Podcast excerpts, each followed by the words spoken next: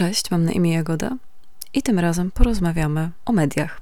W tym materiale przyjmę rolę eksperta, ponieważ przeczytałam najnowszy numer magazynu Nonfiction, którego tematem przewodnim są właśnie media. W ostatnim tygodniu obejrzałam trzy filmy o śledztwach dziennikarskich, także myślę, że spokojnie możecie zaufać wszystkiemu, co mówię i uważać mnie za skarbnicę informacji w tej dziedzinie.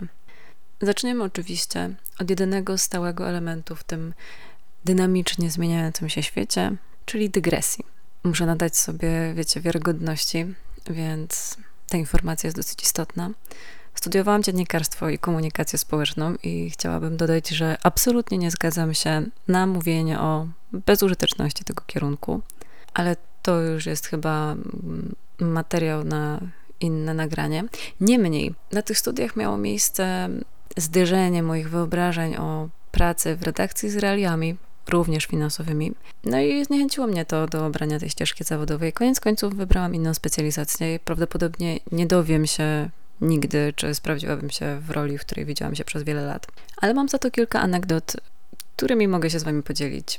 Na zajęcia z warsztatu dziennikarza, tak się nazywał ten blog, przychodzili specjaliści z różnych dziedzin, żeby podzielić się z nami swoim doświadczeniem i mniej więcej zarysować, jak wygląda sytuacja w branży, w której funkcjonują przez wiele lat. Przyszła dziennikarka z lokalnej gazety, która powiedziała nam, że żeby pracować w dziennikarstwie, musimy mieć bogatego męża, że to jest ciężka praca, nisko płatna i ja byłam absolutnie przerażona, jak o tym słuchałam. Potem sobie pomyślałam, że jest naprawdę wiele prac, które są nisko płatne i nie jest to powód do tworzenia takiej katastroficznej narracji e, wokół tych zawodów.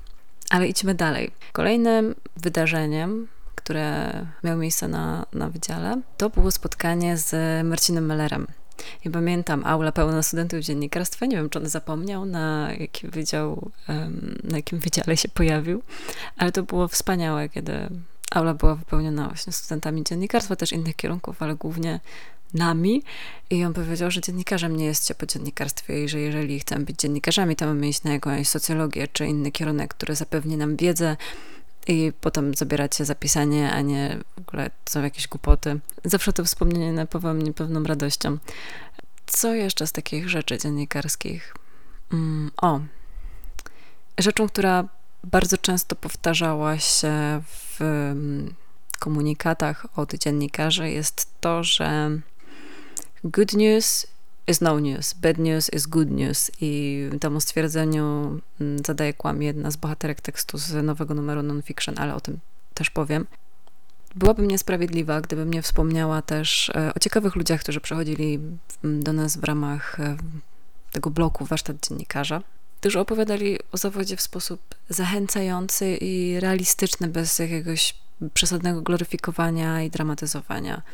Na przykład gościem był ksiądz Adam Poniecki, już jako redaktor senior Tygodnika Powszechnego. Mieliśmy też spotkanie z Wandą Wasilewską, dziennikarką radiową, reportażystką, która odtwarzała nam swoje, swoje materiały.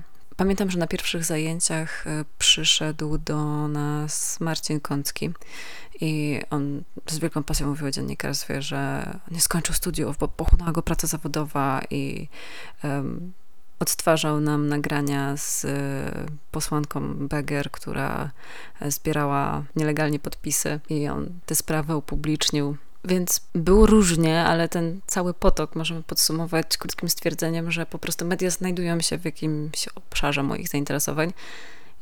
I oprócz tego, że lubię formułę magazynu nonfiction, tym bardziej czekałam na nowy numer z tym tematem przewodnim, bo zastanawiało mnie, w jaki sposób mm, podejdą do tej kwestii, czy będą się skupiać wyłącznie na mm, odbiorcy, czy może bardziej pójdą w nadawcę, w fake newsy, w rolę dziennikarza, czy będą pisać o kanałach komunikacji, czy media potraktują jako, jako urządzenia, jako zmieniający się sposób przekazywania informacji.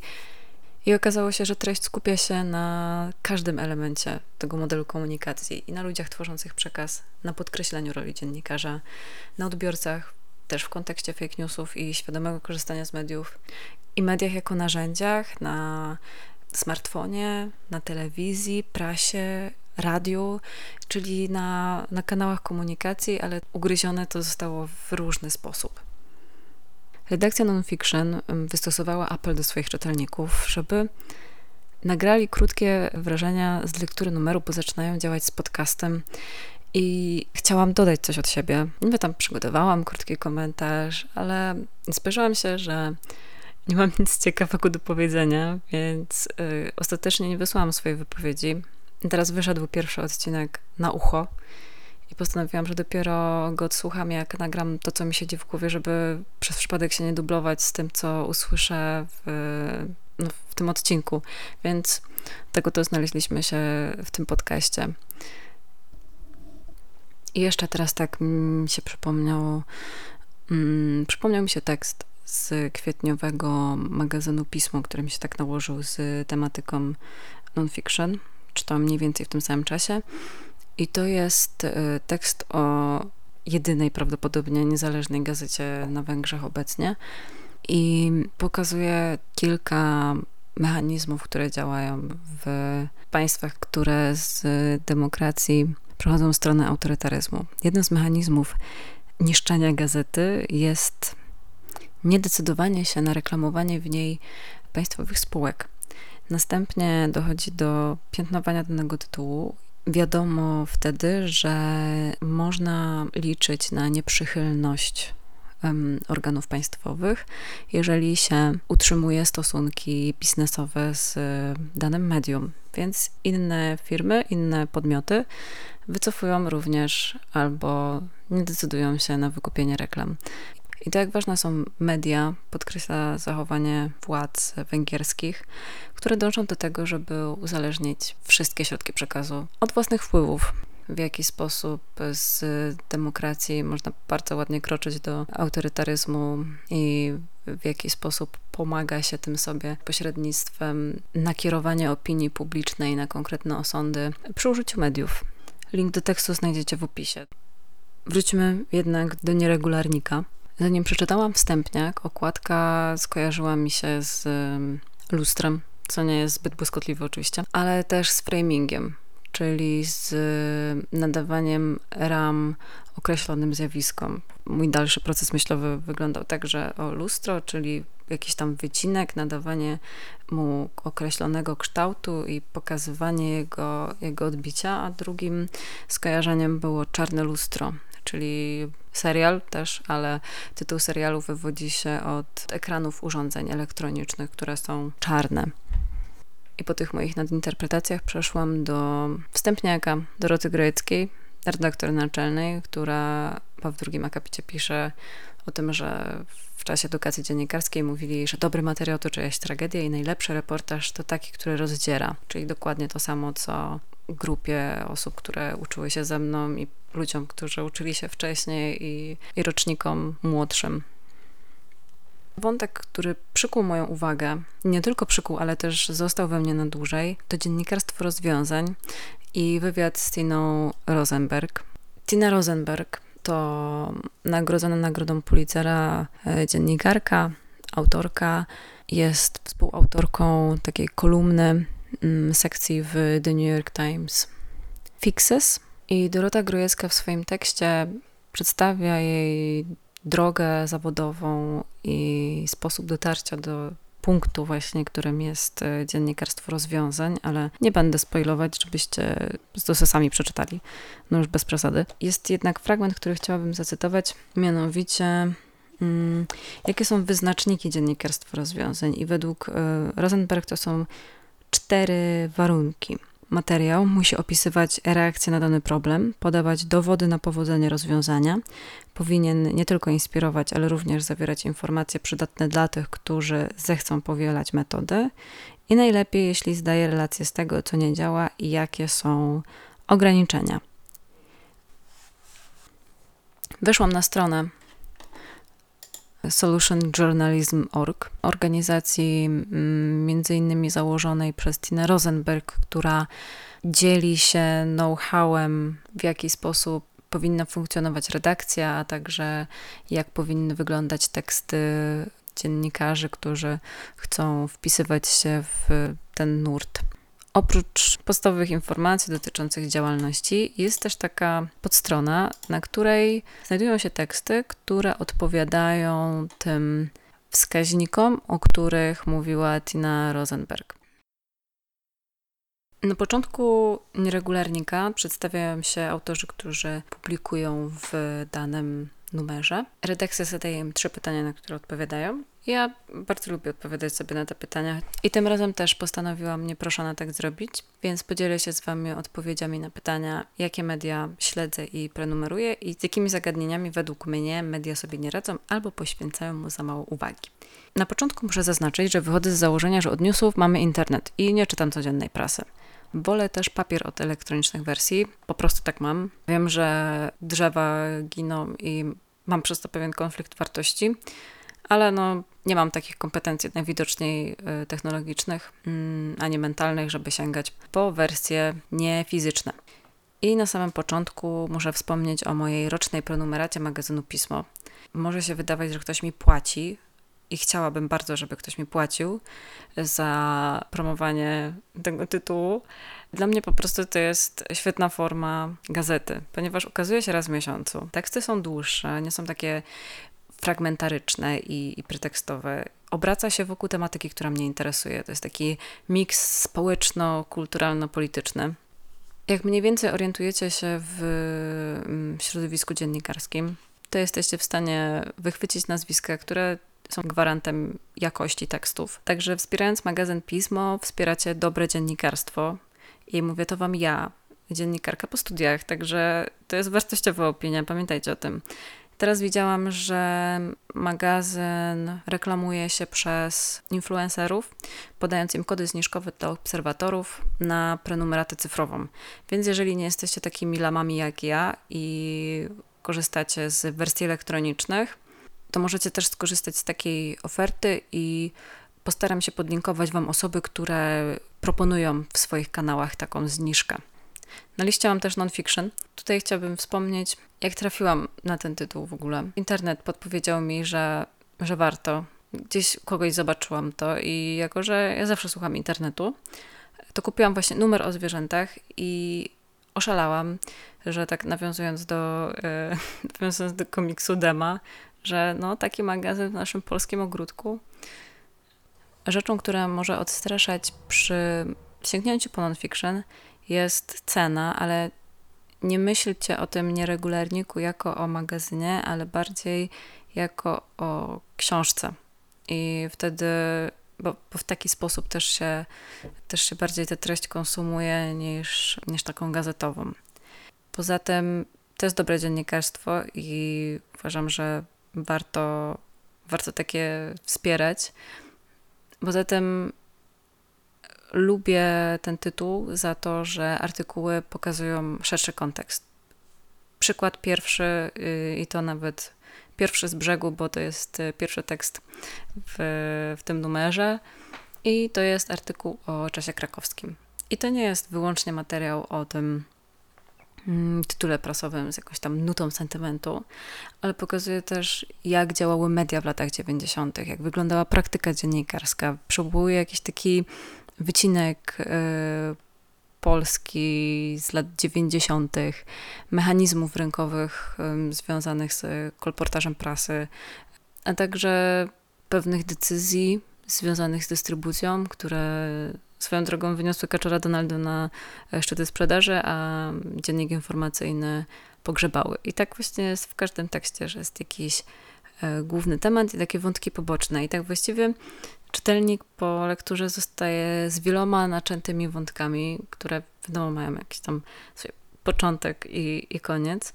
Mm, I coś, to co lubię nonfiction, to jest to, że zostawia czytelnika z takimi tropami, Kolejnym tytułem prasowym jest Tygodnik Powszechny. Miałam zakusy na to, żeby być regularną czytelniczką, ale mnie bardzo frustruje forma.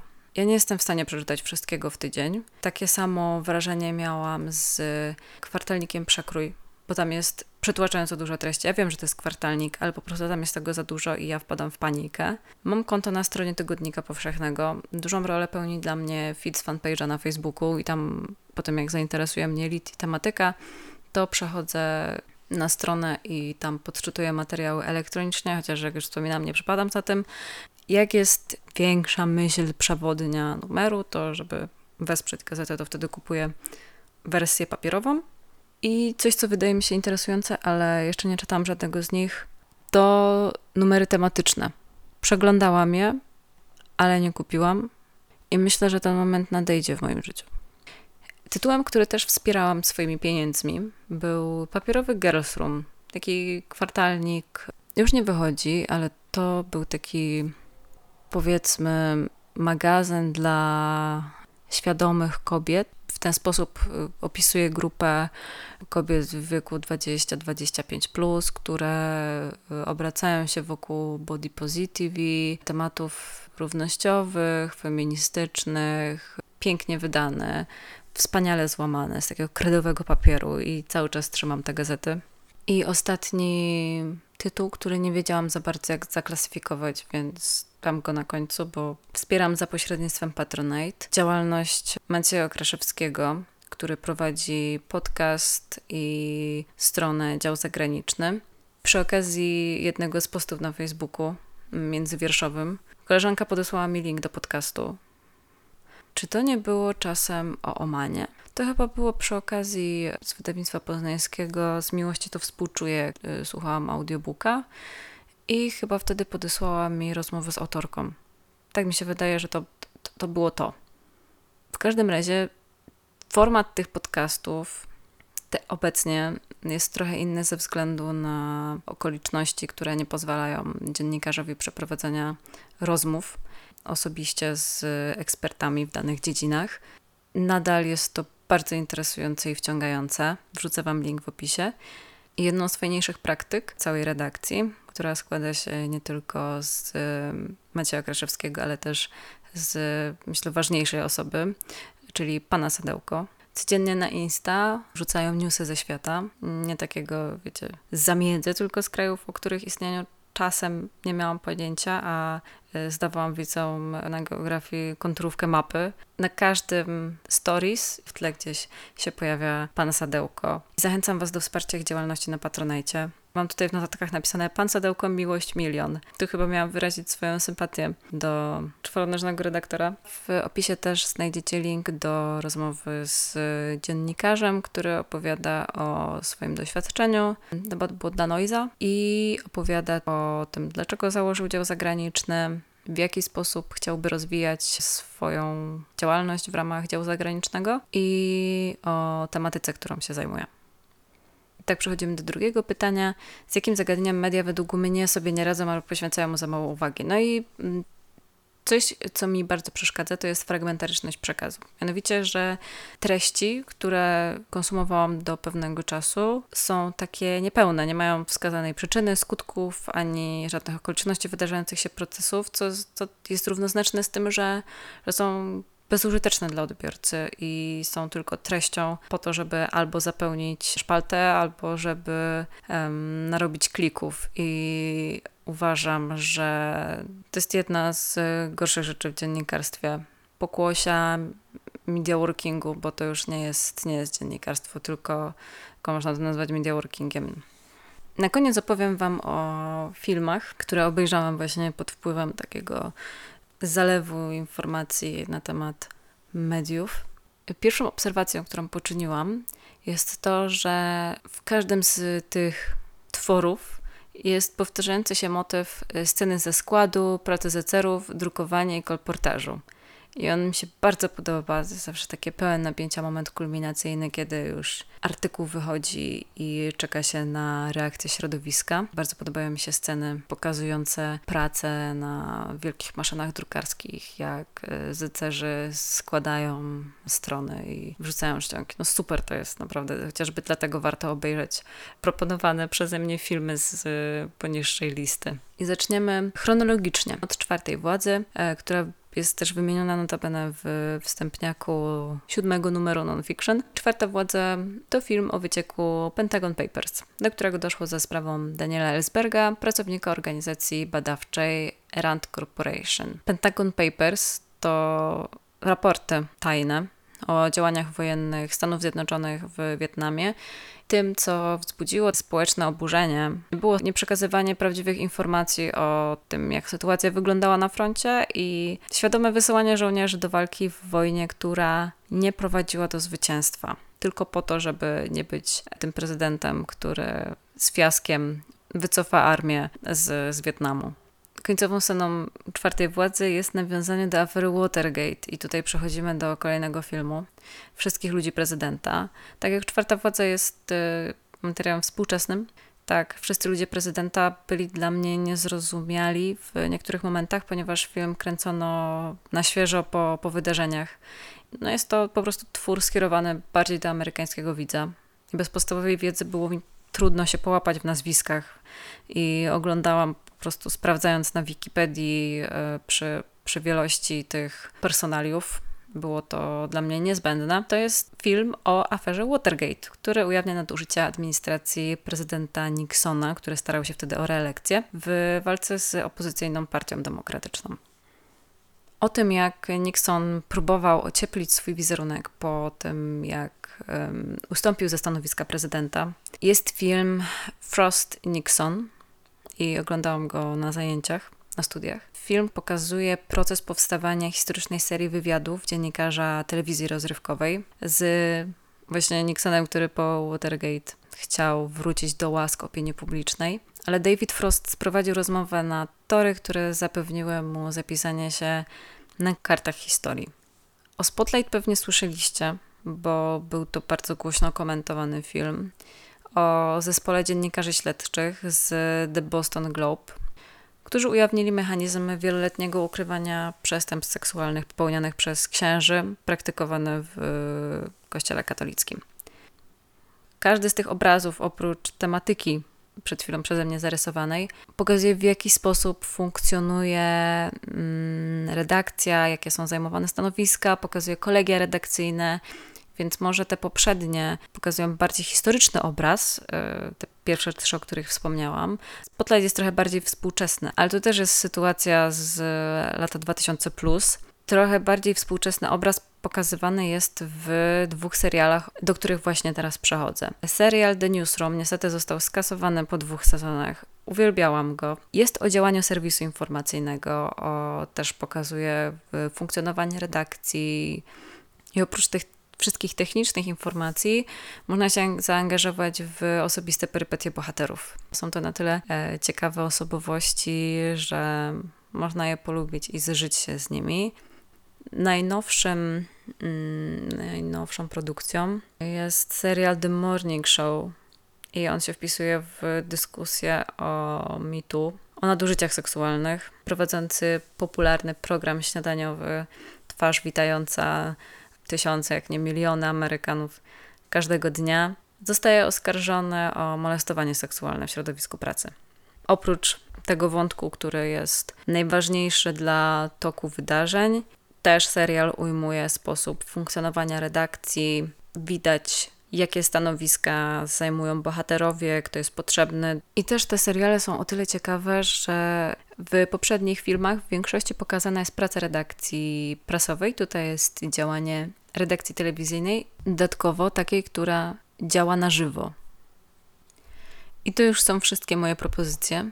Pamiętajcie, że jak je obejrzycie, to też będziecie mogli być specjalistami od mediów. To wszystko, co przygotowałam dla Was tym razem. Zachęcam Was do wspierania wartościowego dziennikarstwa, do prenumerowania gazet i co jeszcze. Nie wiem, jak wyjdzie ten materiał i mogę mówić delikatnie przyciszonym głosem albo takim stłumionym, bo po pierwsze mam na sobie słuchawki, a po drugie nagrywam to nocą i mówię tak, żeby nie zakłócać ciszy nocnej. Różnie mogło wyjść i bardzo bym chciała nie musieć nagrywać tego po raz drugi. Jeżeli odczuwaliście jakąś zmianę w, w tembrze albo w intensywności, to nie, nie było to spowodowane tym, że temat mnie nużył, tylko dlatego, że wybrałam sobie zadziwiająco niesprzyjające okoliczności do tego, by wyrażać swoją ekscytację. Uważajcie na siebie, bądźcie zdrowi i co? Trzymajcie się Do zobaczenia. Cześć.